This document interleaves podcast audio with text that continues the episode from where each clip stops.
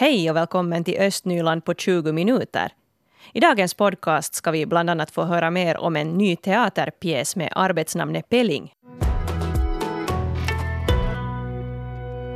Tävlingen för trähuskvarteret på Västra Åstranden i Borgå är nu avgjord. Det var fyra förslag som lämnades in till den här tävlingen. Och med tre olika hustyper så skapas snart ett mångsidigt boende för omkring 350 invånare. Det vinnande förslaget bär namnet Kåta. Mikael Kokkola, vår reporter, han har sett närmare på tävlingsförslaget. Ja, jag står här vid JL Runeberg förtöjd här vid kajkanten och blickar mot västra Åstranden, Kokombacken. Uh, har ännu lite snö på sig, Vilnius båt vars träskjul syns klart och tydligt. Och bakom dem finns det en uh, ja, rätt stor skogsdunge och det är där som det nya trähuskvarteret så småningom ska byggas. En uh, viktig helhet här i allt det som redan har gjorts och kommer att göras på västra Åstranden anser stadsplaneringschef Dan Mollgren. En viktig pusselbit, träbyggande är någonting vi ska, vi ska arbeta med i Borgå, det hör till vår, vår strategi och, och här har vi en, en, en stor helhet uh, på en viktig plats uh, så att det där jag, jag, jag ser det som en, en verkligt bra möjlighet att utveckla staden. Vi, vi går vidare med att utarbeta en, en bra detaljplan för det här. Varför är det viktigt för Borgå att bygga i trä? Det, det är i enlighet med vår strategi. Uh, vi vill visa, visa hur, hur vi jobbar med, med klimatarbete. Vi, vi vill visa upp också projekt som, som uh, har med träbyggande att göra. När vi får höghus uh, av hög kvalitet vid Åstranden, vad är bättre än det? Det fanns fyra förslag här nu till trähuskvarter. Vad var det som gjorde att just det här förslaget var bättre än de andra?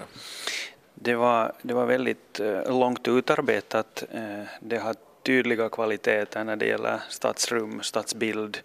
Eh, det, det, vi ser det i stadsplaneringen åtminstone att det här förslaget passar väldigt bra in. Det har en, framförallt en arkitektonisk kvalitet som, som vi gärna ser i, i Borgå förslaget ja, som plats, hurdant blir det? Det var dels så här kompakt men delvis också enskilda hus. I förslaget presenterar man en typo, typ, typologi äh, med tre olika hustyper. Vi har lamellhus, vi har punkthus och så kallade stadsvillor. Tillsammans bildar de här en, en fantastiskt intressant äh, komposition när man dessutom är som sagt vid Åstranden, in till Kokonbacken, uh, äh, i, i mitten av, av, av, ett, av ett fint Västra Åstranden så ja, då, då, då, då tycker jag att det, det helt enkelt det kompletterar staden på ett fint sätt. Det är väl ja, ett känsligt ställe. Det är lite av uh, havsvägen om man når Borgå så kanske just de här husen faller en i, i, i blicken kanske efter det man först har begrundat domkyrkan. Det är sant, det syns från många håll och, och det är på ett sätt därifrån åtminstone från, från ån sett så en, en, en port till Borgå där. Uh, det är viktigt att minnas, minnas det här, det här förstås i, i den vidare planeringen stadsplaneringschef Dan Mollgren, ja, när tror du de första invånarna nu kan titulera sig trekvarters invånare? Vi hörde en av, en av, en av vinnarna där, Keijo Ullakko, sa att, att i bästa fall om allt går bra så 2021 redan kan vi, kan vi, kan vi se färdiga bostäder. Och det konstaterar här stadsplaneringschefen i Borgå, Dan Mollgren. Och själva tomtpriset som Borgå stad ska få för kvarteret kommer senare att fastställas av en utomstående expert. Och det var Mikael Kokkola som var reporter här. Han har också skrivit en webbartikel på svenska.yle.fi Östnyland som ni ska läsa. Och där finns också lite kommentarer som har kommit in. Här är en som skriver att lådor är lådor också om de är byggda av trä. Och en annan av er tycker att olyckligt namn på ett kvarter, det här Kåta alltså. Och det namnet har väckt en hel del diskussion på sociala medier också, bland annat här på Yle Östnylands Facebook-sida. Här är en av våra läsare som skriver att hoppas Borgå inte väljer att sätta område och heta Kåta. blir ju väldigt tokigt på svenska. Och här är många som håller med här. Och också en som skriver att namnet visar kanske att man inte bryr sig att fundera på andra språk. Kortsiktigt och dumt. Och så konstaterar här en annan att nu vänjer man sig med det här namnet också, men för de som bor där och springer kåta ut och kåta in så kan det vara ovant. Mm, tack för de här kommentarerna.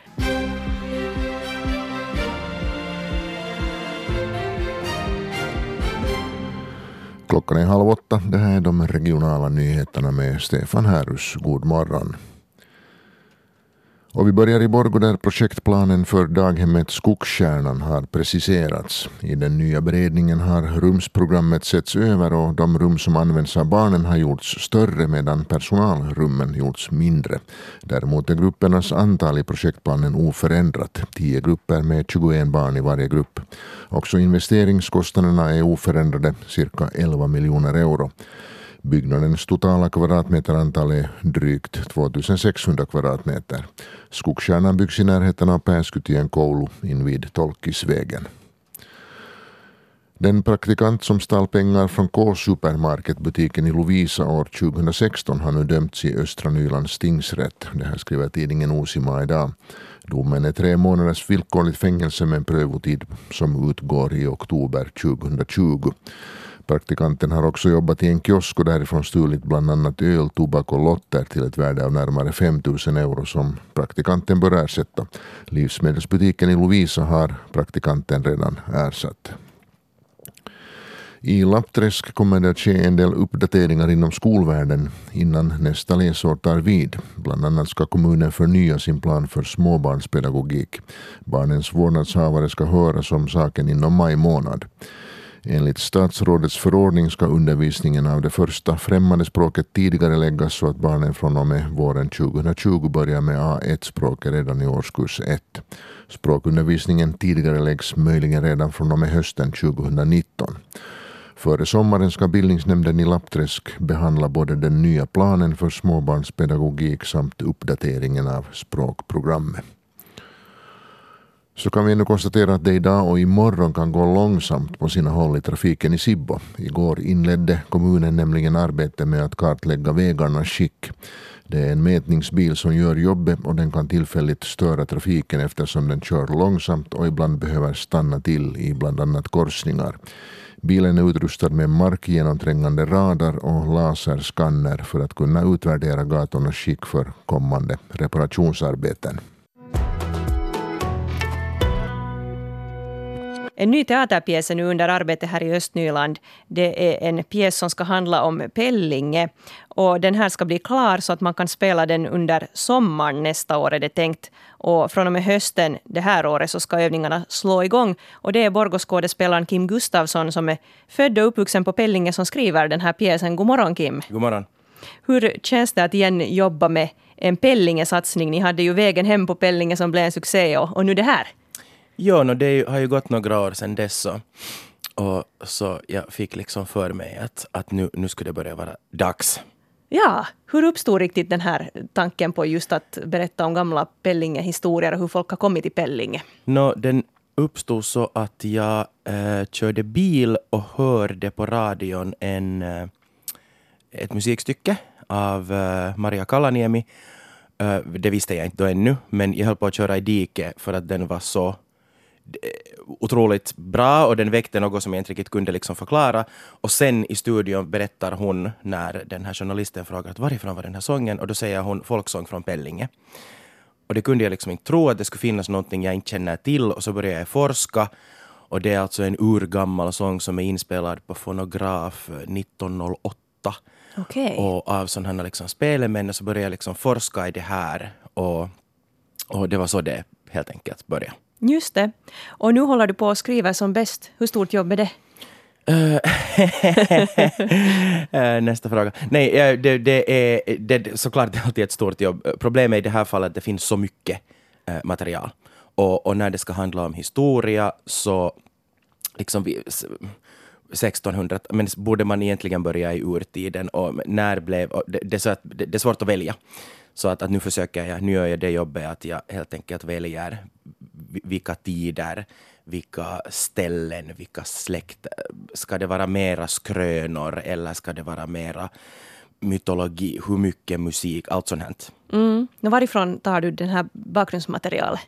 No, no, Pellingeborna är, är, ju, är ju det bästa eh, alternativet. När Gunnel Englund kontaktade mig här på, på vintern och sådär att, att nu, nu nu undrar hon att, att borde det liksom börja bli dags. och då, att det var flera som tänkte samtidigt det här. Och sen uh, har vi haft nu vårt första möte och nu har jag fått ganska mycket material som jag liksom håller på att gå igenom. Just det. Ja, jag kan tro att det är ganska knepigt där att välja då sen att vad man ska ta ut. Finns det någon historia du har fastnat speciellt för som du skulle kunna kort nämna som kommer att vara med här? Uh, ja, ja, det, det, det, handlar om en, en, en av mina egna eh, förfäder. Han som uh, vars familj kom för första gången till det stället, till, till Eidisviken där, där vi sen har bott sen dess.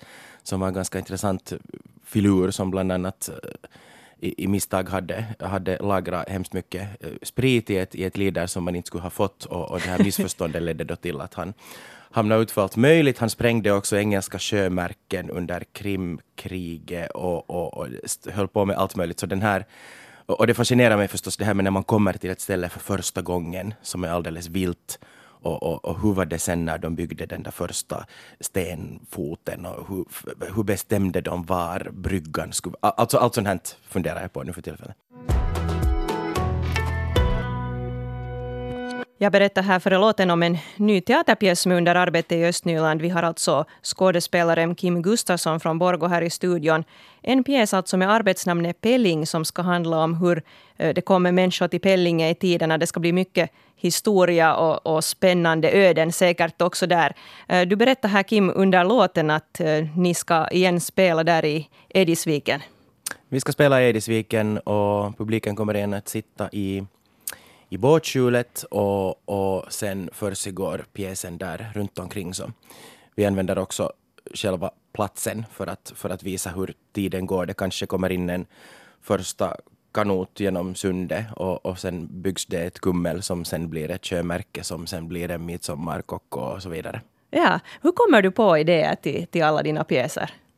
Uh, det är ofta någon jätteliten detalj eller enskild. Det kan vara en sång jag hör eller en, en, en, en människa jag ser på gatan som har på något vis är intressant. Eller, det är ofta en, en, en, en liten detalj som liksom skuffar igång det. Mm.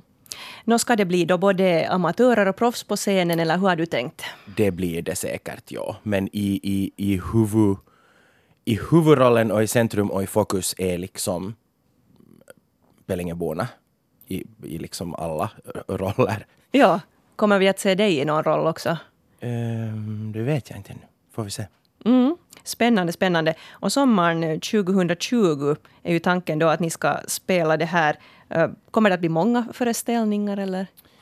Uh, det blir säkert så många som vi hinner. Det, det är ändå ett, ett verksamt båtvarv som vi spelar på, så vi måste ju eh, tänka förstås på också att båtarna båtarna ska ut på, på sommaren och sen börjar de komma tillbaka in på hösten så att, att den är, vi har liksom en begränsad spelperiod på det sättet. Ja, men ni hade bra med publik när ni spelade den här Tove Jansson 100 år-pjäsen Vägen hem. Det kan man väl lindrigt sagt säga att vi hade, ja. Ja, så kanske många hittar tillbaka till Pellinge. Det tror jag kanske att de gör, det hoppas vi. Nå, vad är största utmaningen nu att det inte ska bli så här tråkigt som man tänker ibland historia, gäsp, att, att hur ska man orka? Vad är största utmaningen?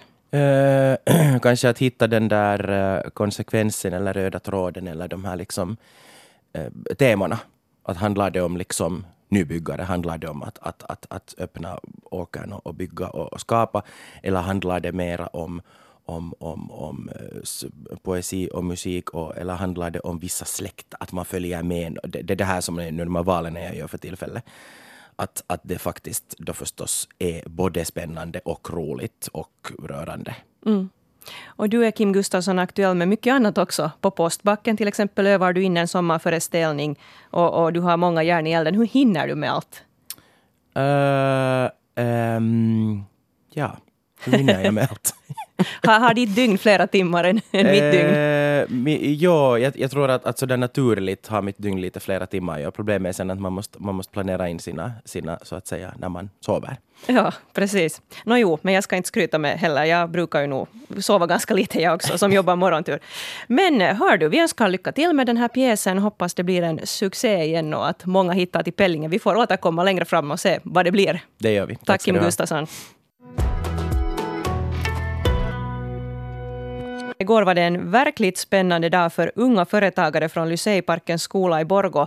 Eh, de fick nämligen träffa republikens president Sauli Niinistö. Det var eleverna Vera Örso, Christian Örso och Jonathan Holmström, som vi ju har träffat tidigare här i våra sändningar. Eh, det var de som träffade presidenten och de fick, tävlar ju nu om att vinna det här finska mästerskapet i ung företagsamhet. De har ju det här egna läskedrycksföretaget Oh Yes Drinks UF. Och vår reporter Mira Bäck hon ringde upp Vera Örso strax efter att hon hade fått träffa Sauli Niinistö. Det känns helt, äh, helt otroligt att det var ett, liksom, äh, för jag märkte inte först när han kom, för vi var så upptagna med att sälja våra drickor, så vi märkte inte när han kom. Och sen när han liksom stod framför oss och liksom skulle skaka hand med oss var det helt, liksom helt otroligt. Att det var svårt att förstå. Så nu har du skakat hand med presidenten? ja. Du driver alltså då företaget UJ's Drinks tillsammans med Christian Örso och Jonathan Holmström. Eh, smakar presidenten på er limsa? Ja, han smakade på vår rabarberlimsa och han sa att vår limsa var bättre än äh, hans egna rabarbersaft. Okej. Okay. Det är ganska bra betyg. Det är ganska bra, ja. Vad talar ni annars om? Uh, han frågade hur vi, hade, hur vi tyckte att det här året hade gått och så här, olika upplevelser och motgångar och varför vi, varför vi just har det här företaget. Okej. Okay. Hade han några uppmuntrande ord åt er? Ja, han sa bara liksom kämpa på att, att det är verkligen värt att vi har ett, han tyckte att vi har, har ett bra företag. Att det lönar sig att fortsätta. Du och dina kollegor är alltså där nu i, i kampen i Helsingfors och, och tävlar i, i FM i ung företagsamhet. Och om jag förstått det rätt så idag onsdag så har ni då visat upp era produkter och, och på torsdagen så får då vinnarna sina pris. Tävlar, ja. ni, tävlar ni i någon viss kategori där? Uh, alla liksom tävlar inom samma kategori uh, och så finns det, jag tror det finns fyra olika sådana priser som man kan vinna. Nå, hur tror du att det går för er då? Jag tror att det går, kommer gå ganska bra. Att vi har nog stor chans att få något pris. Och är det så alltså att ni har haft, haft upp ett stånd där i, i kampen idag och visat upp era drickor och, och kanske sålt lite åt kunder också? Ja. Har det gått åt mycket? Ja, vi har, vi har sålt slut alla våra limsor. Vi är, vi är helt, helt slutsålt. Det var inte så illa det. Där hörde vi Vera Örsö som går i Lyseiparkens skola i Borgo. Och hon och Christian Örsö och Jonathan Holmström de har alltså det här egna företaget och tävlar i FM i ung företagsamhet. Och idag på eftermiddagen så ska årets bästa ungföretag väljas. Så det blir spännande att se hur det går här för Borgolaget. Idag kan vi berätta att det fanns en liten kattunge som satt alldeles ensam mitt på riksväg 6 igår. Vad tusan, Fredrika? Ja, vad tusan kan man ju nog fråga. Uh, troligen så handlar det om en övergiven kattmamma. Någon hade alltså lämnat den här kattmamman där när det visade sig att hon väntade ungar och hon hade nu fött de här ungarna där, där längs med riksväg 6 i Lovisa. Det är alltså riksväg 6 den här som går där förbi Liljendal och, och Lappträsk. Uh, och det var en uh, ganska uh, klarsynt uh, förbipasserande som fick syn på den här lilla ensamma kattungen och sen hade man också fått syn på den här mamman i ett skede. Men att den här mamman hade nu sprungit iväg sen tyvärr. Och den här um, förbipasserande där hade tagit den här um, kattungen i förvar och ringt till 112. Sen kom polisen till platsen och, och förde den här lilla grå fluffiga kattungen. Det finns en bild här på polisens eh, Facebook-sida i Taudenman poliisilaitos. Eh, så de förde dem sen till katthuset i, i, i Tolkis. Och den här kattungen som man hittade där så fick namnet Rambo. Det är ju den här actionhjälten för att det var en sån här ensam överlevare där.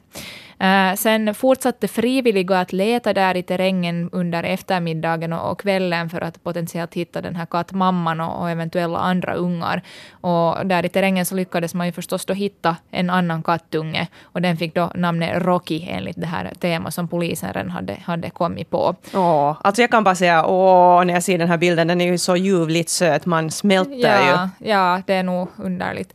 Eh, men som sagt, de fördes till Tolkis katthus, berättar här eh, Lovisa katthus på eh, Facebook. Och orsaken till att de fördes till Tolkis och inte till Lovisa är att det i Tolkis fanns en kattmamma som ammar ungar i samma ålder som de här ungarna som hittades i Lovisa. Så att de då skulle få mjölk av henne och hon välkomnade dem där i, i Tolkis som, som sina egna. Så att det är på det viset tur i oturen. Lovisa Katthus skriver också här på Facebook att de hoppas att den här mamman ännu skulle hittas i terrängen. Så att om man rör sig där kring riksväg 6, Lappträsk, Liljendal, så kan man ju lite försöka hålla utkik efter den här kattmamman om man får syn på en sån här grå ensam katt där som springer omkring. Så, så den skulle säkert också behöva få lite skydd i katthuset. Ja, vi ska hoppas den hittas. Och att ungarna nu klarar sig bra. Det var ju bra att det fanns en sån här reservmamma på lager. Exakt.